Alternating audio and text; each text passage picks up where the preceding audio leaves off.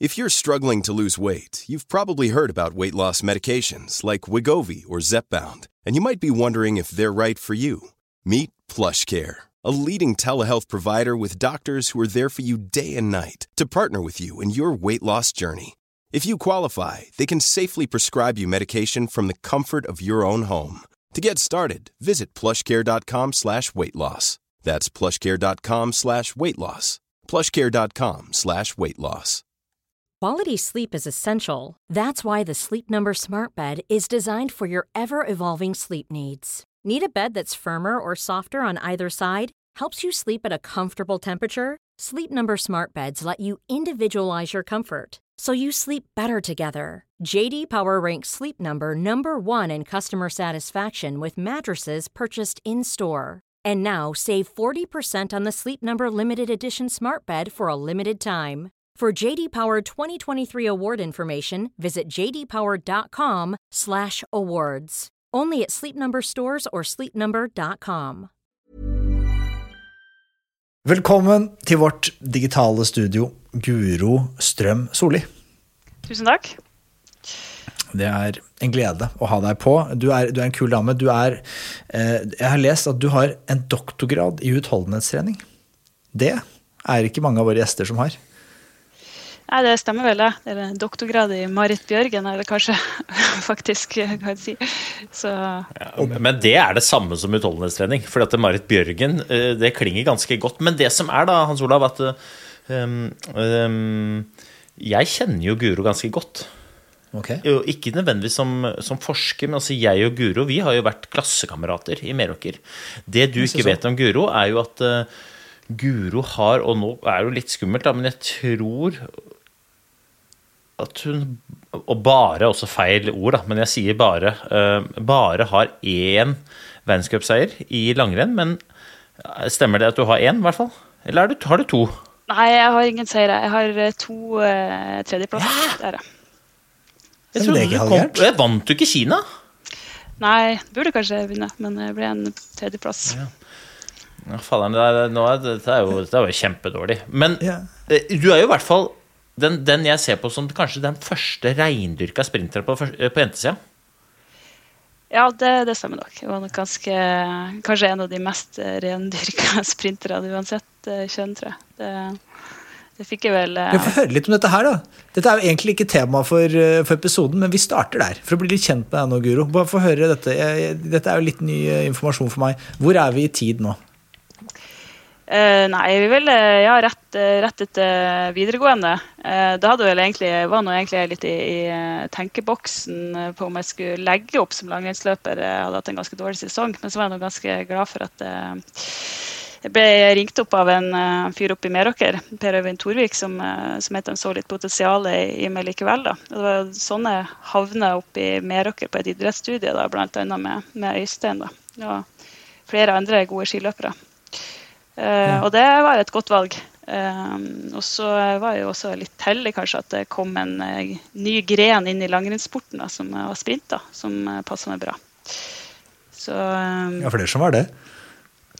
Ja, men du var jo, du var jo på, du var jo på elitelaget, var du ikke? jo da. jeg var tre år på Altså på landslaget? Ja. Det Ja. stemmer. Mm. Ja, ja, altså, Guro var jo, var jo klasse... Altså, Guro er veldig beskjeden eh, dame. da, Kommer fra en liten plass utafor Mosjøen. Men altså, jeg kan skryte for henne. For, altså, hun, dette hun var jo klassens stjerne. Eh, Og da snakker vi jo klassen som i eh, Tora Berger, eh, Johan Kjølstad, Elda Rønning Det var liksom ikke den Det var ikke en, sånn, det var ikke en, liksom en litt sånn friluftsinteressert klasse. Det var en sånn forholdsvis vass klasse. Og Guro var liksom stjerna. Altså det, ja, det var helt rått. Jeg husker jeg ble veldig inspirert av å kunne ha Guro, da, for hun brøyta på en måte veien for, for oss andre. da.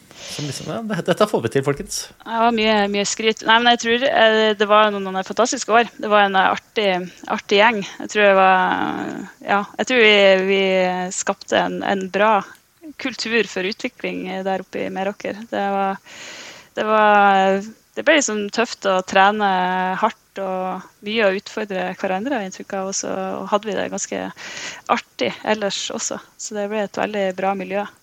Som jeg ja, tenker ofte tilbake på det vi klarte å skape der oppe enda. Det er, det er en egen pod i seg sjæl, faktisk. Da kunne vi hatt på Per Øyvind Torvik. Han, jeg vet han lytter, så han er herved invitert. Men, men nå har jo da eh, det er jo det som gjør det litt gøy, da du da har dykka ned i treninga til Marit Bjørgen og, og skrevet bok om, om, og med Marit. Fordi at eh, ikke bare kan du eh, trening gjennom at du har lest mye om det, men du har jo også gjort mye trening. Og dette er jo eh, kanskje det jeg mener er en mangelvare hos veldig mange forskere. Det er veldig mange som forsker veldig mye, men som ikke har en praktisk erfaring i tillegg. Eh, og der har du Det, det mener jeg er eh, Da har man et ganske godt fundament for å kunne forske ordentlig. Ja, det, det har jo vært veldig verdifullt inn i kanskje den litt mer sånn akademiske karrieren som jeg starta på uh, for noen år siden. At, uh, da har jeg virkelig sett verdien av å ha, ha egenerfaring fra, fra, feltet. Det gir en bedre forståelse tror jeg, for, det, for det faglige. Eh, og så kanskje også kanskje en, en, fordel også å ha prøvd både liksom fått utvikling, men også kanskje streva litt med å få, å få utvikling med, med trening. Da, så det har sett litt begge, begge sidene. Det tror jeg er verdifullt da, også når man skal gjøre forskningsprosjekter og prøve å forstå enda mer. Ja. Bare så, så vi, alle vi andre henger med her. Så, sånn, så du har jo nå sammen med Marit Bjørgen kommet med en bok som heter 'Marits metode'. Eh, og det sånn jeg forstår det da, så er den basert på forskning som du har gjort på Marit Bjørgens trening. Eh, og du har fulgt Marit Bjørgen over ganske lang tid. Eh, og sammen har dere nå prøvd å dekomponere og liksom gjøre tilgjengelig for oss vanlige folk. da, eh, Kall det hemmeligheten bak hvorfor Marit Bjørgen eh, ble og har blitt og er tidenes norske utholdenhetsutøver. Ta oss liksom, Hvordan kom dette samarbeidet mellom deg og Marit i gang? Ja, vi var jo, vi var jo på landslaget sammen i tre år 2005 til 2008. Og så eh, skilte vi på en måte lag da Marit eh, sin karriere skjøt fart videre. Og jeg, jeg slutta etter hvert med langrenn, men studerte eh, idrett og idrettsfysiologi. da. Og jobba med litt andre ting innenfor idrett. Så var det først i 2016 jeg fikk beskjed av universitetet mitt at jeg kunne få ta en der jeg da, at jeg kunne få ta en doktorgrad. Og da, da, sendte jeg en e-post til en, også en, en, gammel studiekamerat fra Meråker, Øyvind Sandbakk, da, som jeg visste var eh, godt på vei inn i sin akademiske karriere og fått det veldig mye, mye bra. Eh, og det kom det vel forslag til noen problemstillinger samme kveld, eh, bl.a. en sånn case-studie på Marit Bjørgens trening. Og det, det, tente jeg jo på med en gang. Det syntes jeg hørtes veldig, veldig spennende ut. Og uh, Marit var jo også kul nok når jeg spurte henne til å si at uh, ja, du kan få alle treningsdagbøkene mine og testresultatene og DEXA-scans og alt. Tilgang til alt. Uh, så da starta vel prosjektet i 2016. Og året etter, eller rett før OL i Pyeongchang, så publiserte jeg den første, den første studien da, på Marit Bjørgen sin trening. da. Så, og det syns jeg, jeg synes det var litt kult, da, for jeg tror ikke har skjedd før at en utøver har publisert rett i forkant av OL det vedkommende har trent før eh, OL. Eh, så, så, det var, det var selvfølgelig ekstra stas at hun klinka til og ble tidenes mestvinnende vinterolymper. Så det er jo var heldig at, at forskninga fikk, fikk mye, vært mye interesse rundt, rundt den forskninga. Mm. Hvem er liksom målgruppa deres? Hvem er, liksom, hvem er, det du har skrevet, eller hvem er det dere har skrevet den boka her for, eller forska for? Er det, er det, idrettsutøvere på vei opp og fram? Er det etablerte idrettsutøvere, eller kan det være mannen i gata som meg og Hans Olav og, og deg, da, for, for, den saks skyld? Altså, den, eh, ja, doktorgraden ble nå ferdig i, i 2020. Eh, eh, og da var det vel egentlig Marit som, som hinta litt fram på at det kanskje var litt sånn tungt, tungt materiale, en sånn doktorgrad. Jeg skrev veldig, ja, på et akademisk språk. Så, um, så, boka den er jo egentlig, målet med boka er egentlig å prøve å få frem, eller formidle denne kunnskapen til egentlig folk flest, de som er egentlig litt uh, veldig interessert i, i, trening. da, har vi egentlig satt som, som målgruppa. Um, både unge utøvere og, som opp og fram, foreldre og mosjonister har vi tenkt på da, når vi har uh, skrevet den boka. Mm. Det, sånn, mitt første spørsmål er jo jeg, jeg, er ikke så god på å lese disse forskningsartiklene, men jeg vet at de ofte har noe som heter sånn executive, eh, sånn abstract, executive summary i forkant, hvor de liksom tar opp liksom nøkkelpunktene. Dette fant vi. Hva var liksom, vi skal oppsummere på et folkelig språk liksom denne executive summary, denne forskningsstudiet her, hva, hva, hva i all verden fant du ut? Hva forsket på Marit Bjørgen i så mange år? Ja, det er jo veldig vanlig spørsmål. Uh, så, så uh, nå er jo egentlig målet med den forskningen har egentlig vært å prøve å beskrive så godt det lar seg gjøre hele, hele løpet. Så det er, det er, jo litt utfordrende å komme med en sånn kort, kort svar. uh, sånn, og så er det Bjørgen, liksom, som bare hadde liksom den historien. og så var det litt kladdete der rett før 2009 noen år, og så bare etter det så tok det en ny vending. Jeg er veldig spent på svaret nå. Ja, nei, men du er inne på at det er jo litt det her ulike fasene av karrieren hennes som er skikkelig spennende. Da. Både litt, der, litt ekstreme intervallregimet som, som, ble innført med, med Svein Tore Samdal som landslagstrener der i 2004-2005 perioden, og så en, en, periode med motgang. Eh, og så en, en snuoperasjon, egentlig, som Marit gjennomførte og endra veldig mye på treninga si. Som da tok hun egentlig til, som, opp til toppnivået og var verdens beste skiløper de neste fem årene. Og så får du i tillegg en, en uh, trening under graviditet og opptrening etter fødsel, som også er en, en ny dimensjon ja. inni det. Så det er veldig mange spennende ting her, da. Uh, ja, la oss begynne ved begynnelsen. Altså, ok, eh, Dere begynner å, sammen, og du, du, sier dette at det, det, første du kom inn på, var dette intervallregimet. Hva, fortell om det. Hva er dette intervallregimet? Det var, eh, det var, jo som sagt Svein Tore Samdal som tok over eh, som trener for kvinnelandslaget. Og hans filosofi var vel, var vel, litt Eller hans tanke bak der var vel litt at det var et ungt det var et generasjonsskifte, det var et ungt landslag.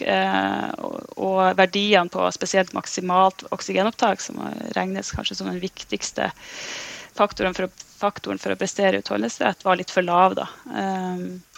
Og da hadde jeg gjort litt forskning i det miljøet han kom fra, på, på NTNU, som, uh, som, indikerte at det var veldig gunstig å kjøre sånne fire ganger fire minutts intervaller. Da. Uh, og mange av de da, for å øke oksygenopptaket raskt.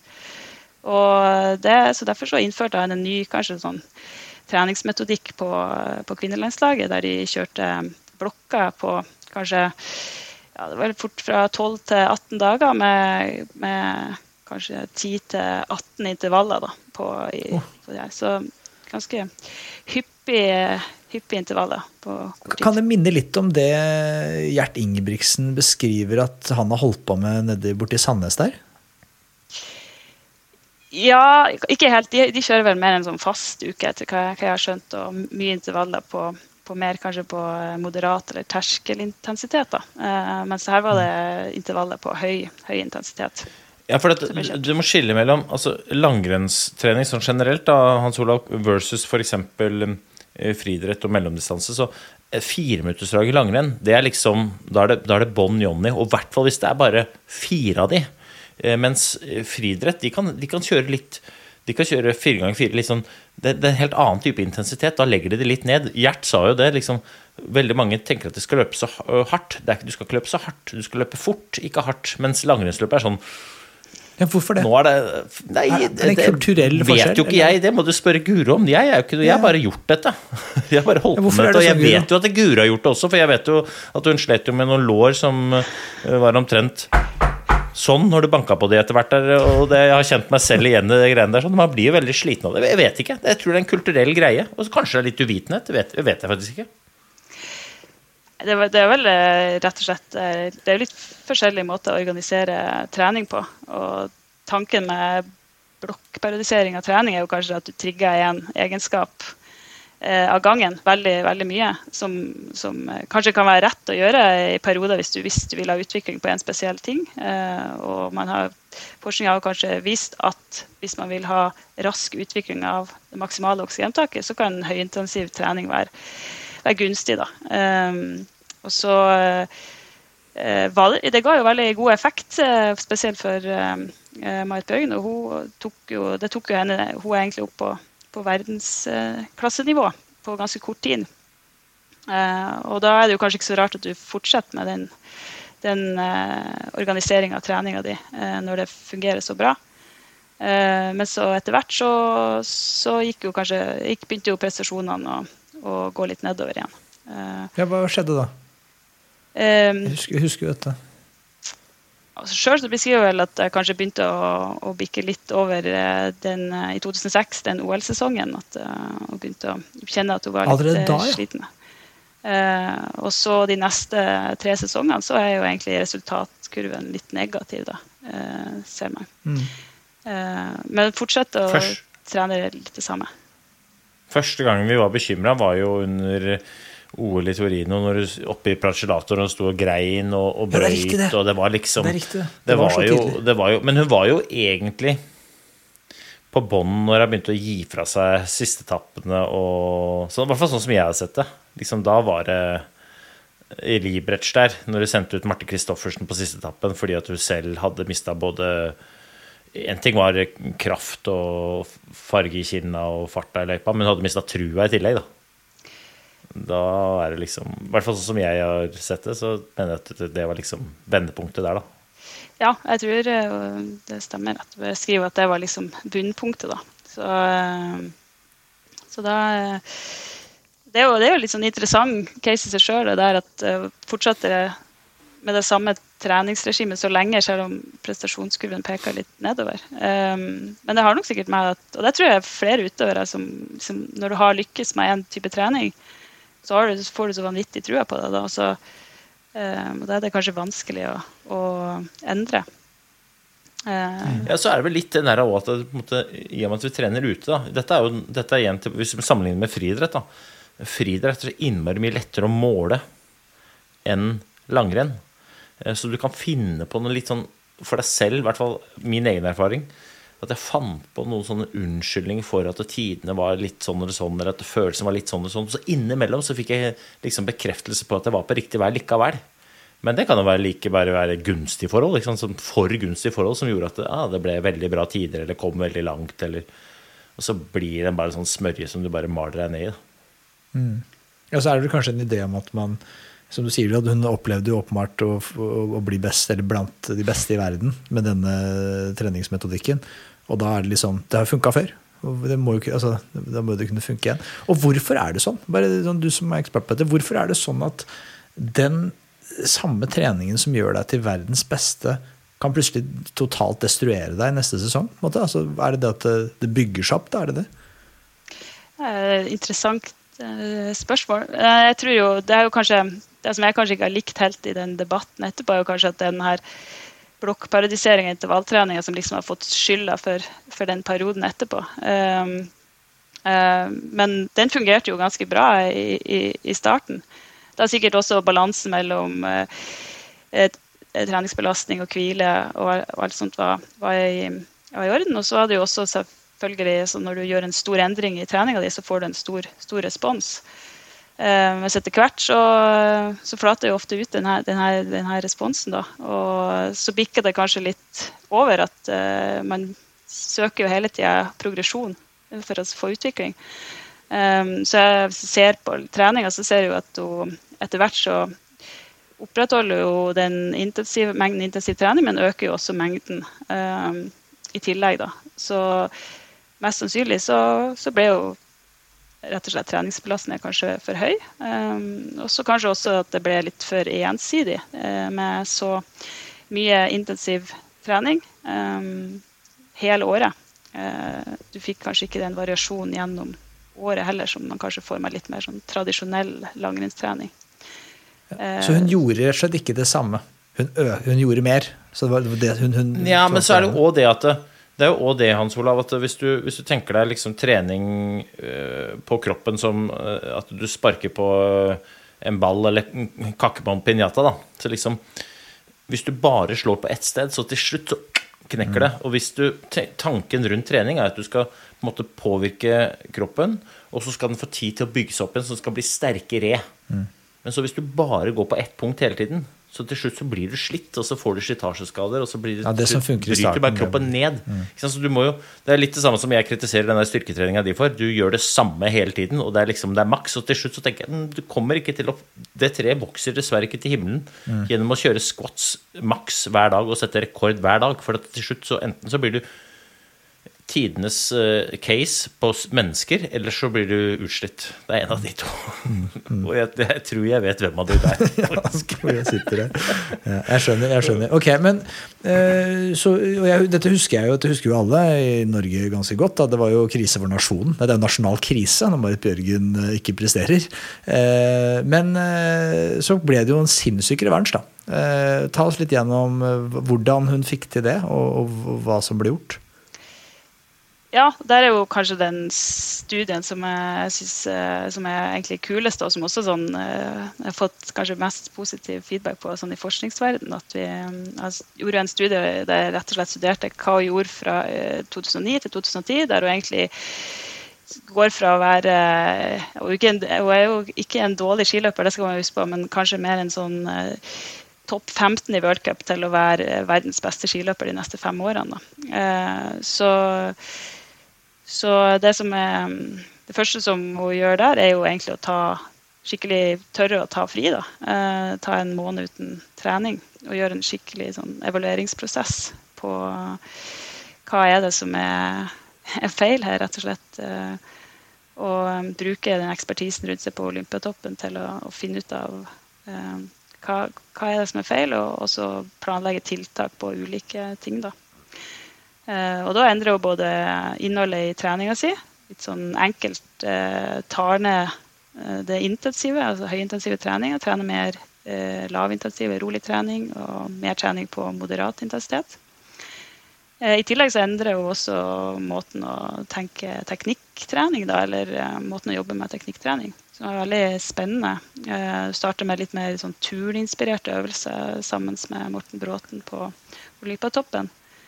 Og der tror jeg jo det var et ønske Marit også hadde om å få noe nytt inn i treninga. da. Eh, at hun kjente at hun trengte noe nytt. da. Kanskje det hadde vært mye ensidig trening over lang tid.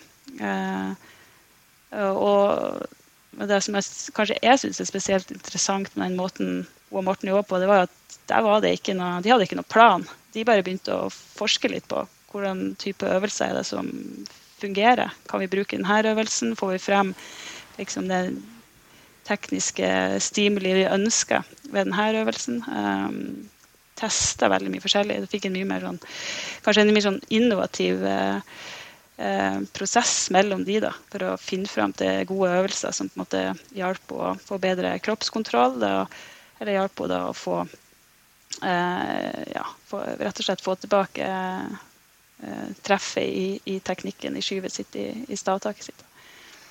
Eh, og så eh, har vel vært, vært, litt skeptisk lenge til mental trening, men nå gikk det til det steget å starte opp det med, med Britt Taillé Foxell. Det var også en, en, viktig brikke, tror jeg. Og, og der tror jeg jo at eh, det her eh, å ha vært verdens beste, og så på en måte skuffe alle og mislykkes over ganske lang tid, da, da har vel eh, kanskje sjøltilliten og, og litt eh, tankemønsteret kanskje endrer seg.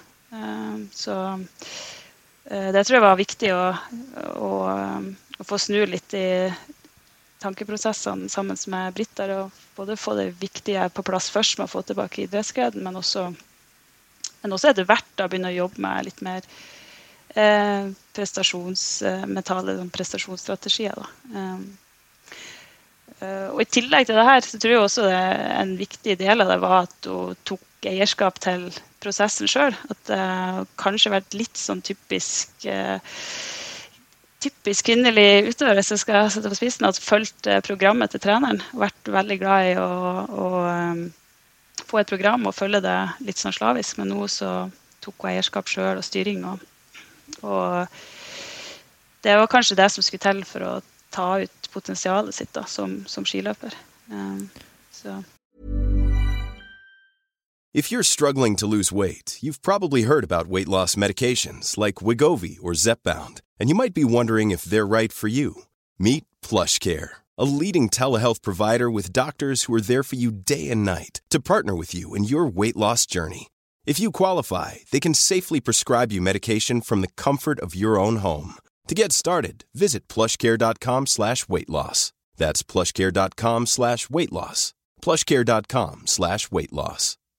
Quality sleep is essential. That's why the Sleep Number Smart Bed is designed for your ever evolving sleep needs. Need a bed that's firmer or softer on either side? Helps you sleep at a comfortable temperature? Sleep Number Smart Beds let you individualize your comfort so you sleep better together. JD Power ranks Sleep Number number 1 in customer satisfaction with mattresses purchased in-store. And now save 40% on the Sleep Number limited edition Smart Bed for a limited time. For JD Power 2023 award information, visit jdpower.com/awards. Only at Sleep Number stores or sleepnumber.com.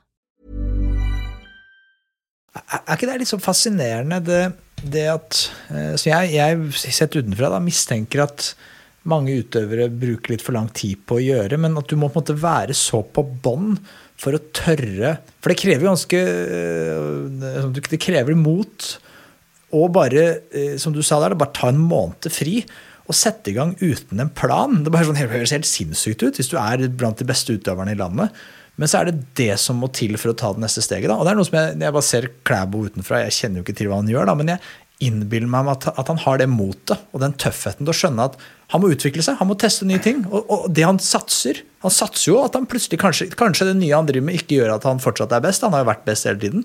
Det, mens når du er best, og du har vel sagt det selv, Øystein, når du, når du var på topp, da, når du var en av verdens beste, kanskje verdens beste eh, sprintere i 2010, så tenkte du at eh, det er jo VM i Oslo neste år. Eh, jeg må bare gjøre akkurat samme jeg gjør nå. Jeg holdt jo til å bli best i verden. Jeg bare gjør akkurat det samme. Null utvikling, ingenting. Alle de andre raser fra deg, og så står du igjen på sidelinja og blir nummer 40 et eller annet i prologen. Er det noe med det? Jeg, jeg, jeg, tror det er det samme. Er det lekser? Jeg tror det er det samme om du driver med idrett, eller om det er uansett hva slags type utvikling du driver med. Fordi at i det å drive med utvikling, så betyr det jo per definisjon å gjøre noe du ikke kan lenger.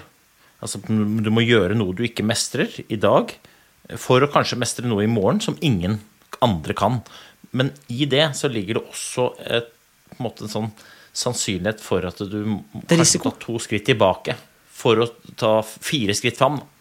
Eh, og det har du ikke tid til i toppidrett eller i næringsliv. eller Det ene eller andre. Det er derfor det er litt sånn, sånn vanskelig å ha det motet. Og så tror jeg sånn, Når du på en måte først treffer bånd, så har du heller ikke noe å tape. Nettopp. Ok, Da er det mye lettere. Da, da er motet Jeg tror nok at både Marit og jeg, i hvert fall meg selv da, jeg skulle ønske at det var lettere å drive med utvikling når du har muligheten, ikke når du blir tvunget til det. Fordi at Marit hadde ikke noe lyst til Jeg tror nok Hvis Maren kunne gått tilbake, så, så sier hun jeg er veldig glad for det Libres 2009. Og der traff jeg bånd, liksom. Men hvis hun kunne valgt, så tror jeg hun ville ha hatt motet til å korrigere kurs før. For at mekanismene og det hun tok tak i, det kunne hun tatt tak i i 2008 også. Men det var bare at da ble hun ikke tvunget til det. Men nå så var hun helt på bånn. Så sånn er det jo litt, da. Um, men det er veldig spennende. Det som er gøy med det, er jo at uh, når Marit uh, gjorde disse tok disse stegene og korrigerte kursen, og drev med utvikling for seg, så opplevde jo vi rundt det som endring. Ikke bare hos Marit, men også hos oss. Da ble det plutselig kobla på uh, mentaltrenere på alle lagene. Da begynte alle plutselig å trene med Morten Bråten. Hvis du snakker med Martin Sundby og nevner, og nevner navnet Morten Bråten, så skal jeg love deg Han sier ja, han har jobba mye med rundt teknikk. Og, det var medisinballer og strikker og red cords, og det var det ene og det andre. Og det var jo bare fordi at Marit begynte der. Og så kom resten av saueflokken, inkludert meg selv, dinglende etter. Men, men, hvordan Guro, hvordan sørga dere for For jeg antar, altså, så blir det jo veldig suksess. da. Hun får jo sinnssyk revansj i 2010. En OL blir dronning, og er jo stort sett dronning derfra og til hun gir seg. Men var dere, eller var hun bevisst, altså Marit, bevisst på dette med utvikling og tørre å satse, eh, altså, tørre å tape for å bli bedre? Etterpå? Hun, altså, eller gjorde hun da bare det samme? Altså, var det sånn, Nå har jeg funnet en ny, nå er det medisinballer og red cords og løper langt og sakte. Eller langt og rolig. og så gjør jeg bare det. Uh, nei, jeg tror, jeg tror uh, mye av det litt sånn stammen i det, det tror jeg ble tatt med videre. Men uh, jeg tror det sier jo litt sjøl at du er alltid tror jeg, flink til å finne små ting å utvikle hele tida. Men at du kanskje den, den, stammen i måten å, å jobbe på, eh, og den, på en måte den prosessen hun, hun starta i 2009, og de får på plass de her, alle de her elementene rundt treninga, det, det, tror jeg hun holdt det. Men så hvert år så tok hun og justerte på, på mindre deler da, for å utvikle seg videre. Så um, jeg tror, um, tror fortsatte, fortsatte den, uh, den utviklinga. At det kanskje endrer kanskje litt tankesettet litt, den, uh, den endringa som ble gjort, tror jeg. Um. Hvis du hadde lest Hvis du hadde lest boka til Marit da, sjøl, eller boka di da, om treninga til Marit i 2008, hadde du tatt tak og gjort noen ting annerledes da, du? Tror du? Hadde du gjort ting annerledes hvis du hadde lest den boka selv som utøver? Ja, det, det, tror jeg. Det har kanskje vært litt mitt sånn mål når jeg har eh, skrevet boka også. Jeg har vel tenkt litt sånn på, på meg sjøl som eh, 18-20-åring, da. Og hvis jeg hadde lest denne boka, så, så, kanskje jeg hadde unngått å gjøre noen av de feilene jeg også har gjort på, på veien, da. Eh, så det, det, tror jeg. At jeg, hadde, at jeg kanskje hadde i hvert fall reflektert litt annerledes. Det tror jeg. For å være litt konkret, hva, altså, hva er det konkret som du ville gjort? Bare for å bruke deg selv som case-eksempel. Det er helt sikkert mange unge utøvere der som er i lignende situasjoner. Hva konkret er lærdommen fra liksom, Marits liv eller Marits treningskarriere? Um, jeg, bruker, jeg, bruker, å trekke fram den kontinuiteten hun har hatt i trening, som en sånn, hvis jeg skal trekke fram én ting som jeg syns hun har vært veldig, veldig god på. Uh, så summerte treninga hennes her, uh, fra hun var 20 til 38, så kom jeg opp på et snitt på 15 timer trening i uka uh, over 18 år. Og det, det, er ganske mye når det er perioder uten trening inni der, og det å fått et barn inni der. Så, så det er det tror jeg liksom er den enkle, enkle brikken som er så utrolig viktig å, å ha på plass uansett. Da. Um, og så liksom det, det, faktisk ser progresjon og har hatt. da. Jeg tror nok For min del så var det nok litt sånn at jeg kom inn på, på landslag, og så ble jeg litt sånn påvirka, så hvor mye alle andre rundt meg trente, og så tok jeg en litt sånn typisk litt for stort trinn. da. Um, men å faktisk eh, Når du ser Mari trente rundt 500 timer da hun var 20 år, og så trente hun 950 når hun var 30. Eh, og det, der har egentlig vært eh, relativt små trinn hele, hele, veien. Det er en snittøkning på 5% da, i treningsvolum. Det der er jo veldig er sinnssykt. Jeg håper de, de som, i hvert fall de som er unge, da, hører det du sier. Da, fordi det du sier, er at kontinuitet er viktig. Eh, men for å få til kontinuitet over så mange år, så må jo treningshverdagen i seg selv være bærekraftig. Altså, det går ikke an å hoppe, sånn som veldig mange gjør. liksom Gå fra det ene nivået og så rett opp på liksom verdenstoppnivå når det gjelder trening. fordi at det i seg selv er ikke bærekraftig. Og da ender du opp med å kjøre kroppen din i senk eh, ved å ta en råsjans. Og jeg, jeg, hyller folk som tar råsjans, det er ikke det jeg sier, men du må tenke bærekraftig på sikt. Da, det er derfor den kontinuiteten er så viktig. For vi må få til det derre det, det, må vare over tid. Hvis ikke så går det ikke. Eh, så, og, og, og, og så, når man hører liksom Marit Bjørgen 500 timer, så høres jo ikke det ut som noe I hvert fall ikke i dagens treningsmiljø, så er ikke det, så, det er ikke noen ekstreme mengder i hele tatt. Eh, og det er jo veldig fint òg at man kan høre at man trenger liksom ikke å være så, være så ekstrem. Så lenge man klarer å ha, det, ha kontinuiteten, ja, men så vil det gå ganske bra, da. Jeg tror det er veldig, veldig godt, godt, poeng. Det var ikke den som trente mest som junior eller tidlig, tidlig senior, eh, men har liksom bygd, bygd eh, stein på stein. Um, det tror jeg er viktig. Også, det er jo litt kanskje det som vi har prøvd å formidle i boka også, at for å få til den kontinuiteten, så er det en del andre brikker enn akkurat det du gjør med treningstøyet på. Da. At du, det, er, det, handler litt om å sette sammen hverdagen sin eh, for å, for å ha overskudd på de treningsøktene, få kvalitet på de treningsøktene, og så um, unngå at man blir syk og skade. Uh, sånn at det er jo litt målet, målet boka, å få fram litt den helheten. da. Ja, det Kontinuitet er, det, det tror, jeg, tror jeg er viktig på, for alle, altså uavhengig av om man skal bli god. Men, og spesielt på trening så er det kanskje sånn ekstra viktig. Men der, man hadde den der spiseforstyrrelsesdebatten som var i fjor høst.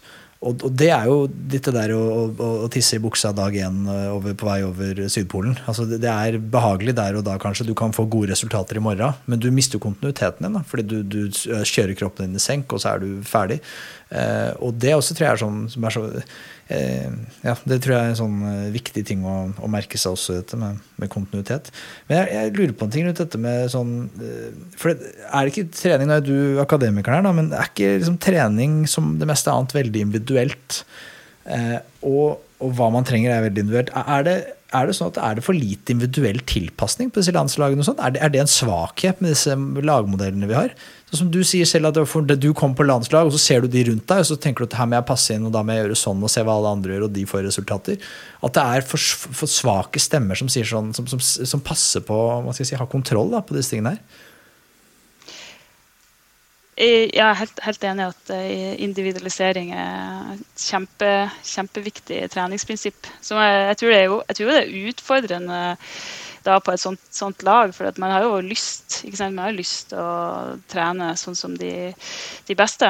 Um, og, og, det er jo igjen litt det som vi prøver å, liksom, prøver å formidle litt i, i boka. at det, jo, det, handler jo liksom ikke å kopiere det Marit har gjort, men det er jo mer å ta kunnskapen inn i, i sin egen trening. og og bruke det egentlig fornuftig. da, eh, Tilpasse til sitt, sitt nivå. Um, og der, eh, Jeg tror du er inne på noe som er, er viktig. Jeg tror det er mange eksempler på utøvere som kommer på landslag, som egentlig har gjort veldig mye smart før de har kommet på landslag, og så kommer de på et landslag, og så begynner de å kanskje bli påvirka av alle andre, og så glemmer de litt det som har, har, de har gjort tidligere, da, som faktisk har fungert bra. Så jeg tror det er et viktig poeng.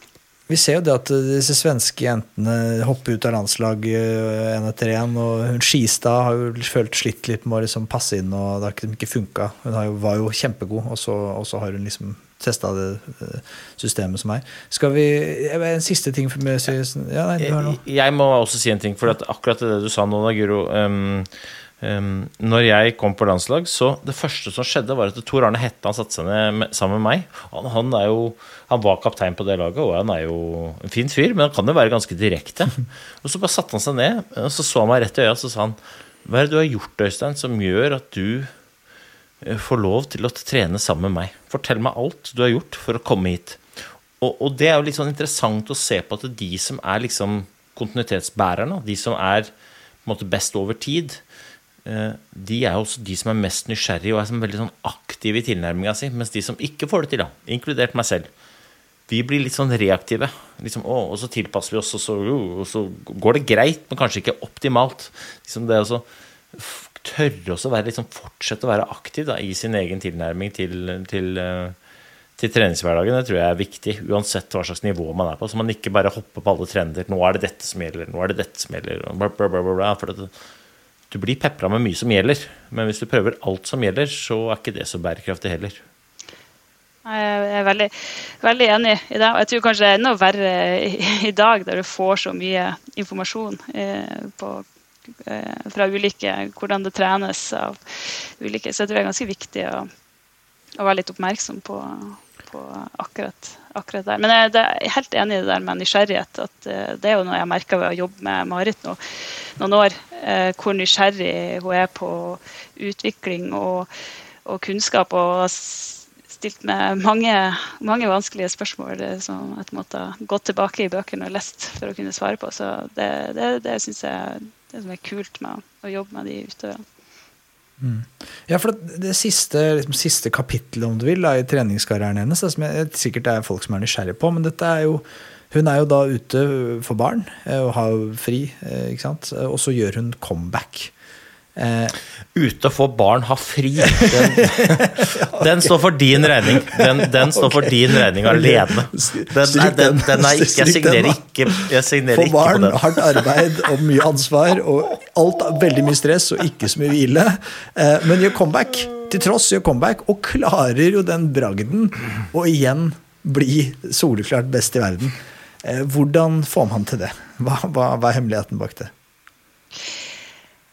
Ja, jeg har jo jeg skrevet en studie der jeg har beskrevet det og gjort gjennom eh, trening gjennom graviditet og etter fødsel. og Der, der tror jeg kanskje det er enda mer sånn individuelle eh, faktorer som, som, spiller inn. da, At hvert eh, svangerskap og hver fødsel kan være ganske forskjellig. Så man skal jo være litt, litt forsiktig med, med å liksom, eh, hvordan man skal bruke den kunnskapen. Men, men eh, sånn kort, kort, sagt, det som hun gjorde, var vel egentlig å prøve å opprettholde treninga ganske mye gjennom svangerskapet. En gjorde noen endringer på styrketreningsøvelse. Slutta å trene høyintensiv trening, men, men, trente mye rolig trening og, og trening på moderat intensitet. Uh, og så var det jo litt interessant etter, opp, i opptrening etter fødsel, så fikk hun vel egentlig sine to første skikkelige skader da, gjennom karrieren. Eh, med ah, ja. eh, brudd i, i korsbeina. Eh, og mest sannsynlig kanskje for at hun var litt hissig, hissig på grøten der eh, etter fødsel og, og kom, var litt rask med, med progresjon. Og så kan det også være ting med kosthold og det er jo eh, kanskje fort å, å eh, F.eks. At, eh, at fosteret tar litt mye kalsium eh, både in, under svangerskapet, men også gjennom eh, brystmerker. Da, når, eh, så, sånn at det er ganske Det kan være litt ekstra viktig å være litt obs på, på bentetthet og sånn i, i ettertida for, eh, for kvinnelige utøvere. Så da måtte hun endre ganske mye på, på trening og endre også bruke andre bevegelsesformer for å hvem, hjelper, hvem hjelper henne med dette? her? Er du involvert liksom i å utvikle dette? Hvem er det som hun bruker? For dette høres ut som et helt eget fagfelt. Det her, jeg, det her, jeg har jo bare, bare studert treningsdagbøker og sånt, så jeg har jo bare kommet inn et, etter, etter, det her og analysert det som ble gjort, og diskutert det litt opp mot forskningslitteraturen. Det er jo et, et tema som det er veldig lite forskning på, eller veldig lite kunnskap om hva utøvere har gjort gjennom svangerskap og etter fødsel for å komme tilbake på, eh, på toppnivå. Så hun brukte jo ekspertise på, på Olympiatoppen under denne, denne fasen. Ja, jeg har hørt en ting, jeg vet ikke om du har svar på, på dette, her, du, altså, men jeg, jeg, husker ikke hvem det var som mente dette. her, da, Men det eksisterer i hvert fall en hypotese som er at kvinner kan bli sin råeste kardiovaskulære form etter den første graviditeten. Og det er et eller annet med med et fysiologisk som skjer, som gjør at de ofte så ser man at de får et ekstra knepp ut etter, altså når de kommer tilbake etter første fødsel. Og så var Det basert på, altså det finnes en del eksempler på dette og, og i, i langrenn. Eh, altså Bjørgen er jo selvfølgelig et eksempel, men Bente Skari, er det jeg som tar noe feil? Bente Skari, Er ikke det noe der også, at hun kom tilbake, eller er jeg på, er jeg på tynn is? Jeg spør dere. Jeg tror Bente Skari la opp før hun eh, fikk sitt første ja, okay. ja, du må ikke hive oss under bussen sånn. Hva er dette for noe fjas? ja, det setter det på. Nei, det, det, men det er, jo, det, er jo, det er jo spennende. Det er jo uh... Men er det noe hold i det? Altså, du, har du hørt om det, Guro? Ja, jeg har hørt, hørt uh, teorien, og så er jeg vel litt uh, usikker på mekanismene bak. Og, men det er jo en del, en del studier som, som, indikerer at det ikke ser ut til at liksom et svangerskap, i hvert fall at prestasjon skal gå ned eller svekkes. At det, det, det er mange som kommer tilbake på, på samme nivå i, i etterkant av, av, en fødsel. Og så er det jo um, selvfølgelig store, store individuelle forskjeller um, her. Det er ikke sånn vi begynner å anbefale ennå at man, det er formutløsende å få barn. Så vi begynner å anbefale unge utøvere å bare få knekt ut den første, og så kommer det tilbake, og så kommer det til rent bord. Det er så litt tidlig, vi skal forske litt mer før vi begynner med det, kanskje. Det, I hvert fall hvis du går ut og sier at det, lønner seg bare å ta, få barn og ta litt fri, så, så er du der. Det, er jo, det hørtes ut som tenker, det, det, blir kjempebra, det, det laget der blir bra. Team Pampers. Det er eh, Ok, men så, så hvis jeg, for, for, å oppsummere episoden her eh, Hvis jeg skal utfordre deg på å gi liksom key takeaways på Maris treningskarriere, eh, så, så la meg prøve å oppsummere selv her. Hun uh, tester et hardt intervallregime. Uh, pusher grensene for mye. Det er naturlig, det skjer. Uh, mange kjenner seg helt sikkert igjen i det. Og jeg tror det gjelder også mosjonister, vanlige folk. At man blir liksom Mister motet, mister formen, får ikke progresjon. Hvile, brems opp, tenke nytt. På, har ingenting å tape, så hvorfor ikke, liksom? og så finner hun dette nye systemet som sånn jeg forsto det da, det er mye mer lavintensitet. Ganske mm, totalt detrimentalt annerledes enn det hun drev med før. Og så fortsetter hun litt med den der utviklingen og prøver å skru på skruene og ha litt den lekenheten og nysgjerrigheten i seg, og dominerer jo verden eh, noe innmari. Får barn, kommer tilbake og fortsetter å, å, å dominere. Er det liksom det, det er veldig enkelt oppsummert hele boka. Er det, hvis folk, jeg anbefaler folk å gå og få lese den. Jeg tror det, jeg tror det, jeg tror det er bedre. Jeg tror det er bedre, faktisk. Jeg tror det er litt bedre. For det er sånn, ja, nei, og nå, de neste sju årene, skal jeg bare Da er det litt som Hans Jeg hørte på en sånn podkast, da skal jeg bare jogge litt sakte. Ja, ja. Det er det jeg skal nå. Jeg gjør det Ja, samme men som kan ikke du sufflere inn. Guro, hva er det jeg glemte her?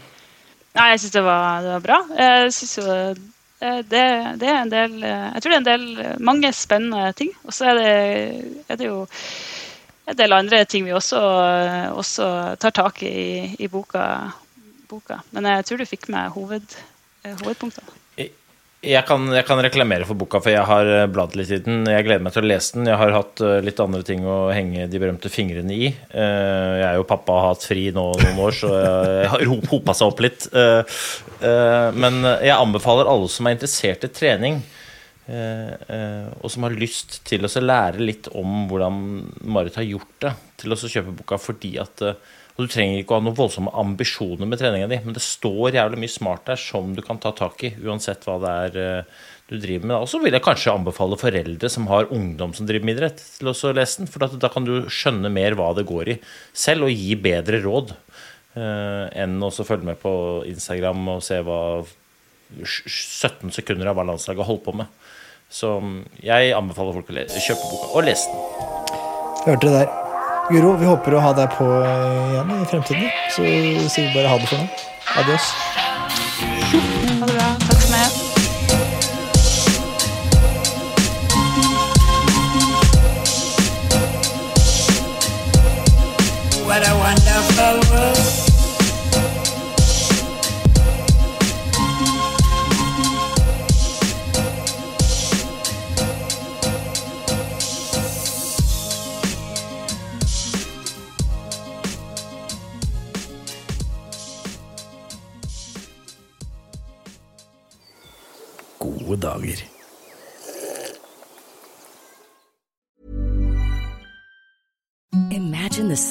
Sheets you've ever felt. Now imagine them getting even softer over time. That's what you'll feel with Bowl and Branch's organic cotton sheets. In a recent customer survey, 96% replied that Bowl and Branch sheets get softer with every wash. Start getting your best night's sleep in these sheets that get softer and softer for years to come. Try their sheets with a 30-night guarantee. Plus, get 15% off your first order at bowlandbranch.com. Code BUTTERY. Exclusions apply. See site for details.